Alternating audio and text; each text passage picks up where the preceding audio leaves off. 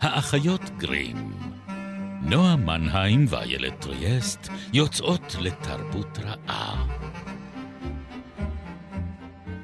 פרק 83, ובו נדבש בגרמנית, נבחן בדיחות שעובדות בתרגום ונחפש נבואות היסטוריות.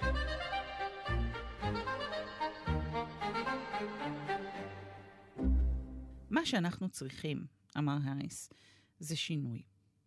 ברגע זה נפתחה הדלת, וגברת האריס הכניסה את ראשה פנימה כדי להגיד שאת לברטה שלחה אותה להזכיר לי שאסור לנו להגיע מאוחר הביתה בגלל קליינס. אני נוטה לחשוב שאת לברטה עצבנית שלא לצורך בגלל הילדים. האמת היא שבכלל לא היה שום דבר לקוי אצל הילד. בבוקר הוא יצא לבלות עם הדודה שלו, ובכל פעם שהוא מסתכל במבטים הורגים על חלון ראווה של חנות לדברי מאפה, היא מכניסה אותו פנימה וקונה לו עוגות קרם ועוגות פירות עד שהוא טוען שאכל מספיק, ובנימוס, אבל בתקיפות, מסרב לאכול שום דבר נוסף. אחר כך, כמובן, הוא רוצה רק מנה אחת של פודינג בארוחת הצהריים, ואלברטה חושבת שהוא מתחיל לסבול ממחלה כלשהי.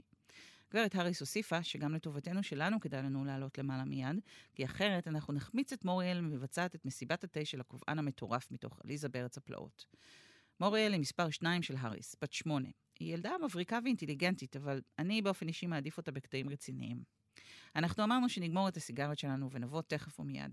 אנחנו גם ביקשנו ממנה לא לתת למוריאל להתחיל לפני שאנחנו מגיעים. היא הבטיחה לעכב את הילדה לזמן ארוך ככל האפשר והלכה. ברגע שהדלת נסגרה, האריס המשיך את המשפט המופסק שלו.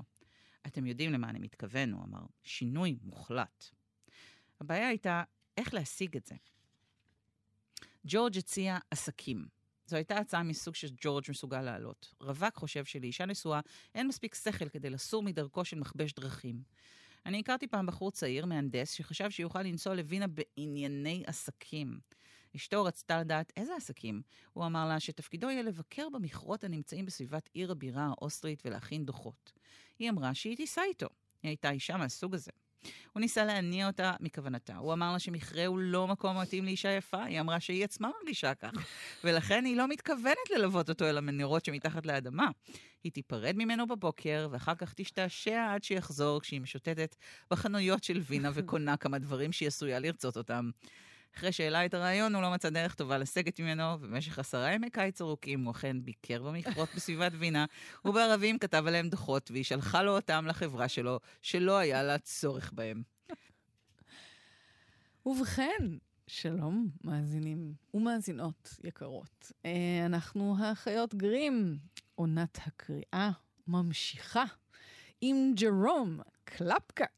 ג'רום. עשית זאת היטב. אני התאמנתי, מאוד התאמנתי מאוד בבית. מעריכה את זה. כן. שלקחת את הוא ה... קרוי על הדבר שם הזה איזה על מצביא. הונגרי. זה, זה השם האמצעי שלו, כך גילינו.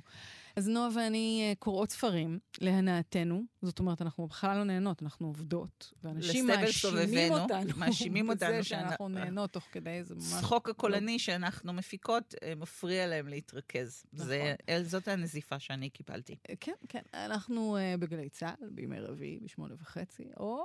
בשלל יישומני הסכתים. יפה אמרת. ואנחנו, כאמור, היינו בפרק הקודם שתיים באולפן מלבד החולדה. הפעם אנחנו ממשיכות להיות שתיים באולפן. עדיין. החולדה עדיין נהדרת, אנחנו מחכות לה. היא תצטרף אנחנו- כשיהיה לה זמן. מה לומר. מה לומר. מה לומר? כן. אה, דיברנו על הומור בפרק הקודם, ודיברנו על אה, ביקורת ספרותית, אה, או זלזול בכותבי הומור. אה, לא ועכשיו מוצדק. אנחנו, מה שנועה קראה היה משלושה בבומל, שזהו אה, בעצם ספר ההמשך שנכתב 11 שנים אה, אחרי שלושה בסירה אחת, ואני חושבת ש- ב-1900, בשנה העגולה 1900. כן, אני חושבת. שלא בכדי הוא נפתח בהצהרה הזאת של האריס על כך שהם צריכים שינוי, ומהר מאוד ג'רום מספר לנו בעצם מה השתנה בחייהם של השלישייה העליזה הזו מאז שפגשנו אותם, אה, מנסים לעשות את דרכם במעלה התמזה. אה, אז אנחנו כבר אה, פוגשים אותם כשהם בעלי משפחות, מהמם. כן? אה, האריס וג'רום לפחות נשואים. ולהאריס יש שני ילדים, לג'רום יש שני ילדים, יש לו עוזרת שמצליחה לשרוף את כל מה שהיא אה, מכינה. אה, אז אנחנו כבר ממש בחיקה, אם דיברנו על הבורגנות בפרק הקודם, אנחנו באמת בחיקה החמים הזה של הבורגנות, הם עדיין לא מספיק עשירים בשביל להחזיק איזה אחוזה. אבל אה, מצבם להם- הכלכלי בהחלט מצבם השתפר. השתפר. יש להם מבשלת או עוזרת. לא, אה, אני חושבת שבאמת אמרת בפר- בפרק הקודם, דיברת על זה שזה סיפור על שלושה גברים אה, ב- ב- בעצם במסע...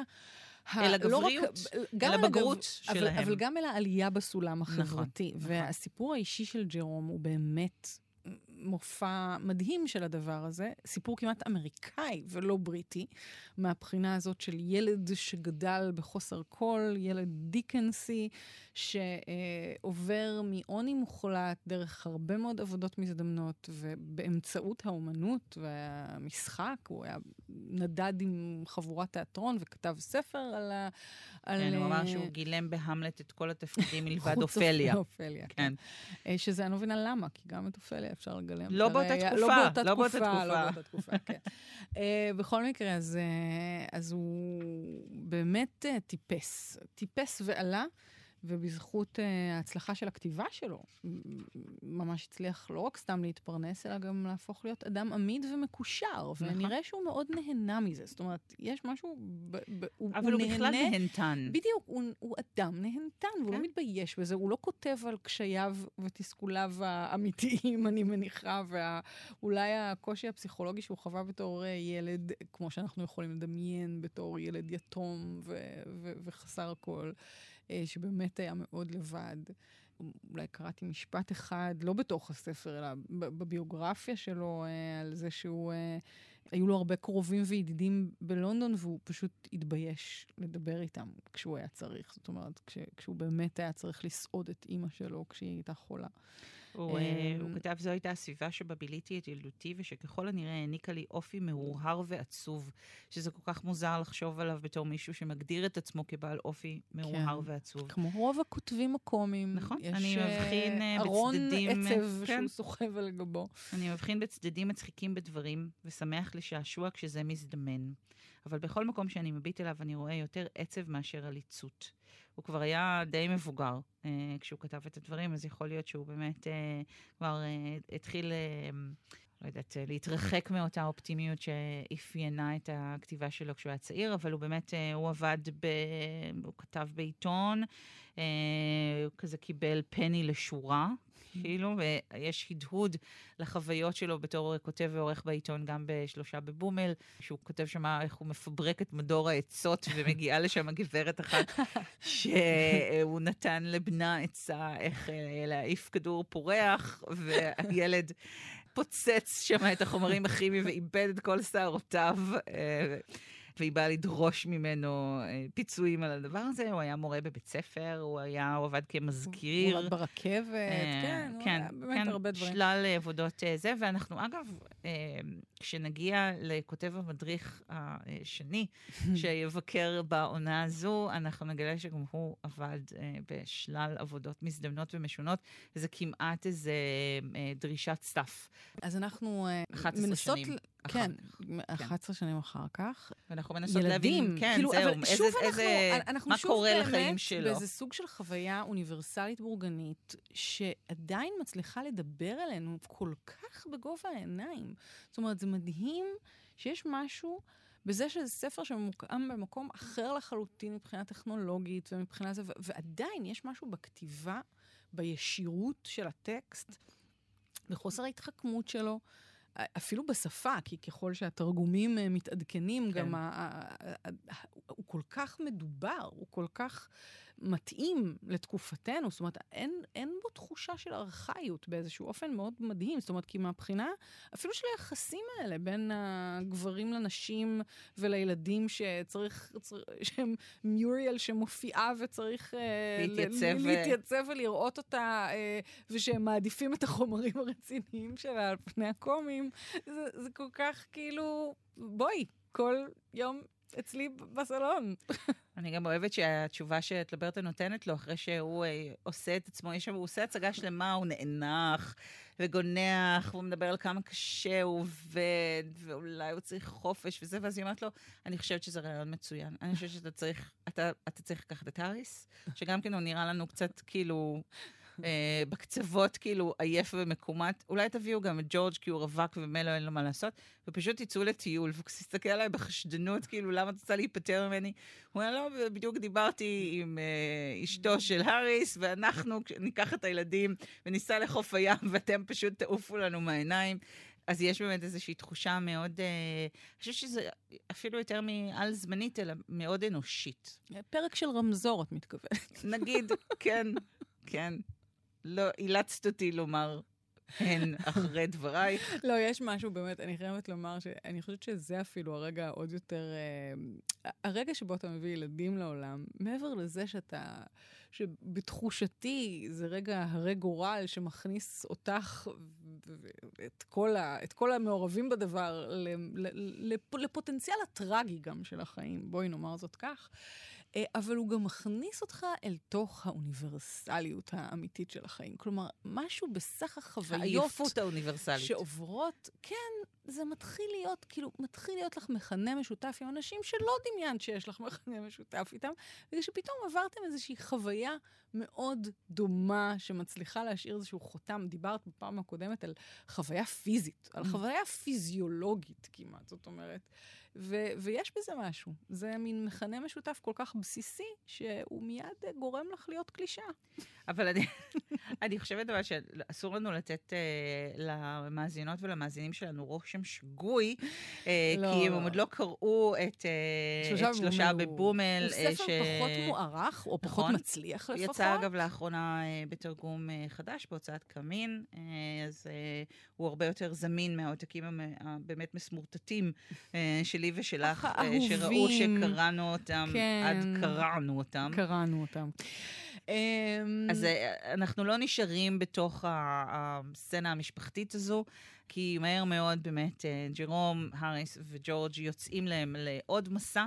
אה, הפעם הם מחליטים שהם הולכים לנסוע לסיבוב בומל, ב- מה זה בומל? כן, ב- למסע אופניים קצר, או לא כל כך קצר, ברחבי היער השחור. בגרמניה, ויש כאן אה, גם ויניוטות משובבות על מקסימות. איך לתקן אופניים, מה קורה כשנוסעים על אופניים זוגיים, שזה אחד הקטעים החביבים כן, עליי. מי באמת מדווש, זה קצת כמו מי מחזיק ארון כן. משני קצותיו כשאתה מעלה אותו במדרגות. ואני חושבת שהמבנה כאן הוא מבנה מאוד מאוד דומה אה, לזה של שלושה בסירה אחת. אנחנו במסע שאין לו כל כך התחלה, אמצע או סוף, ובמהלכו אנחנו נחשפים ל... אה, שלל וינייטות משעשעות מאוד שהשלושה האלה אה, חווים, אה, בין אם זה כשהם מנסים לשכנע את האריס להפסיק לשתות כל כך הרבה בעזרת שלושה פסלים. או ארבעה פסלים, אני לא זוכרת כבר כמה פסלים היו שם, כי שתיתי יותר מדי. ארבעה אבל לדעתי. ארבעה כן. פסלים זהים, הם מנסים לעבוד עליו, או כשג'ורג' הולך לקנות כרית לבת דודתו. או לדודתו, שזה אחד הקטעים המשעשעים ביותר בספר, כי הוא לא יודע את השפה, ולכן uh, הוא מתבלבל שם בין uh, כרית ובין נשיקה, ודורש מהמוכרת נשיקה, uh, במקום uh, לבקש ממנה כרית. אני, אני, אני חושבת שאחד הקטעים היפים זה שהם מנסים לבחון את הסיחון שלהם. אוי, את חייבת לקרוא מה הקטע הזה. הוא הושיט לי ספר קטן, כרוך בכריכת בד אדומה. זה היה סיחון באנגלית לשימושם של תיירים גרמניים. הוא התחיל בעל אוניית קיטור ונגמר באצל הרופא, כלומר בסיטואציות כאלה שחווים, כמו כולנו.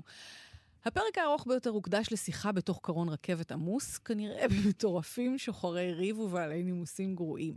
האם אינך יכול להתרחק ממני, אדוני? זה בלתי אפשרי, גברתי. שכני היושב כאן הוא מאוד שמן. האם לא מוטב שננסה לסדר את רגלינו? הואל נא בטובך לשמור את מרפקיך למטה. אנא, אל תרגישי שלא בנוח, גברתי, אם כתפי יכולה לשמש לך למשען.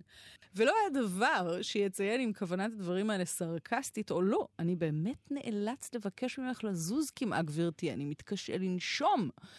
כשהרעיון של המחבר הוא קרוב לוודאי שבשלב זה כל החבורה כבר נמצאת במאורע ולרצפה. הפרק הסתיים בביטוי, הנה הגענו למחוז חפצנו לאלוהים התודה, גוטסאי דנק. קריאה יראת שמיים, שבתנאים אה, בתנאים שתוארו חייבת בוודאי להתבצע במקהלה. אה, אז מה שהם מנסים לעשות בשלושה בבומל זה ניסוי במידת אה, דיוקם של סיכונים. סיכונים.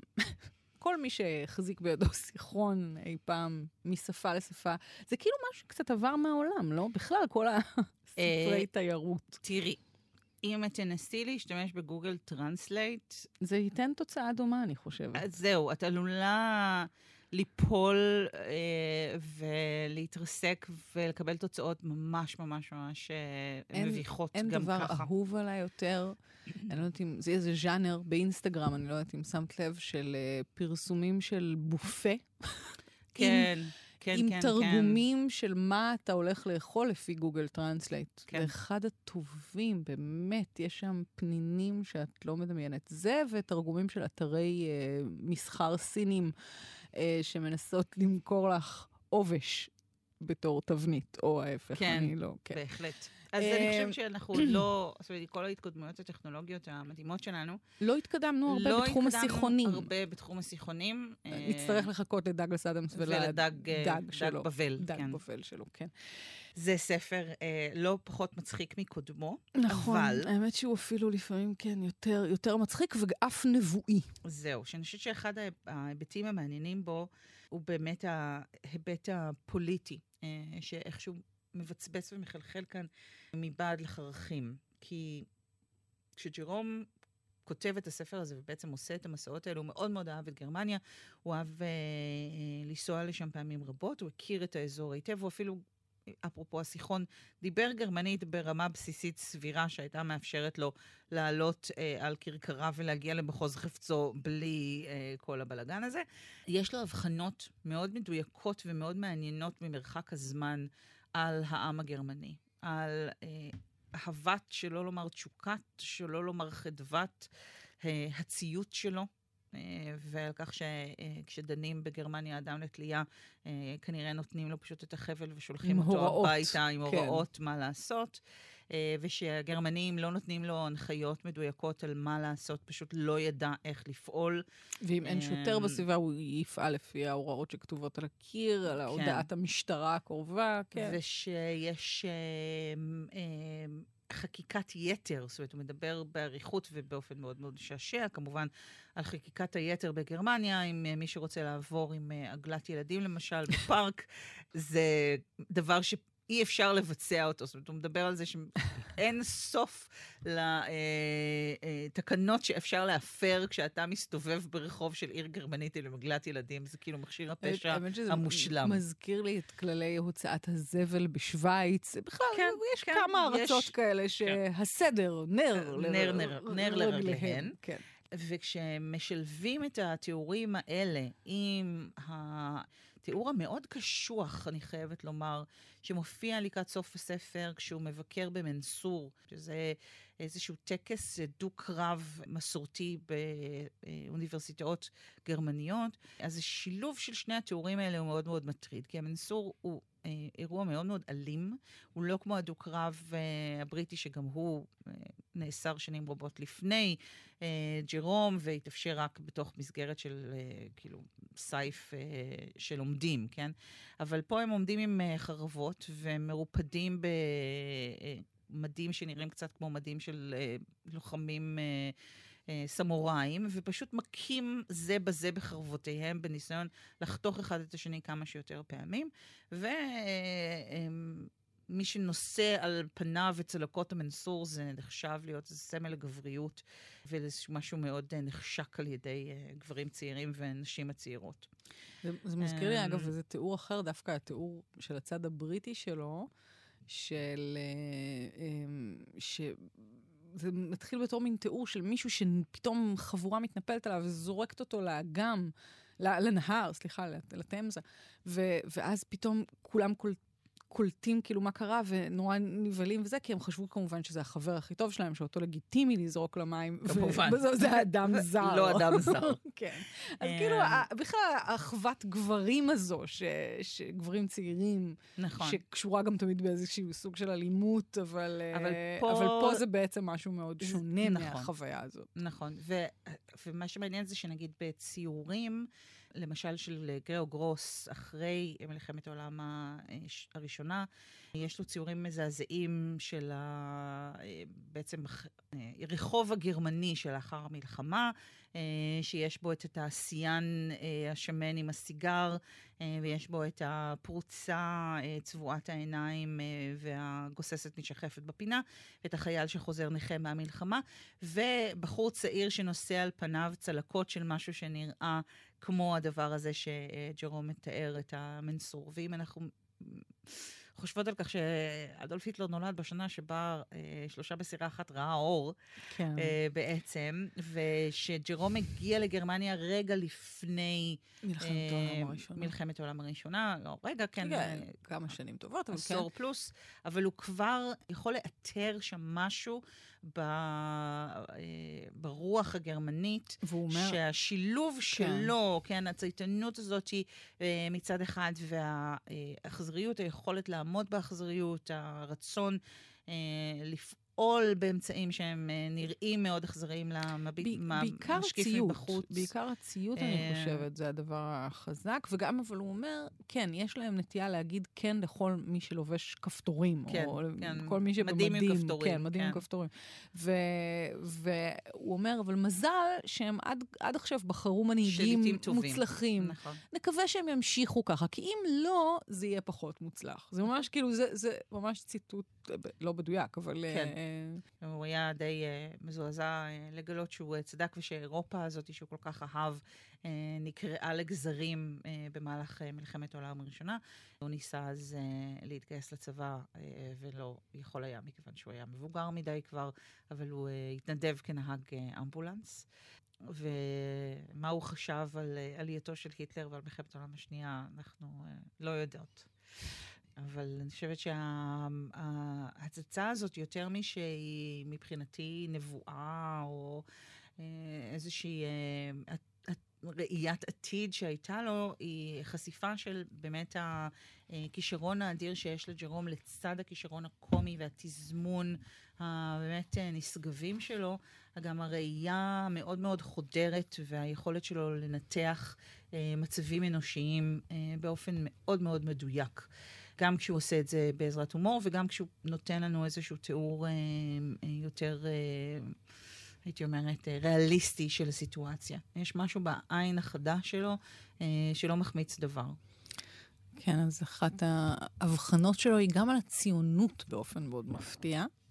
אה, וזה רק בגלל שהוא היה חבר של זנגוויל, שהיה אה, מראשוני הציונות ומקדמיה, סופר ישראל זנגוויל.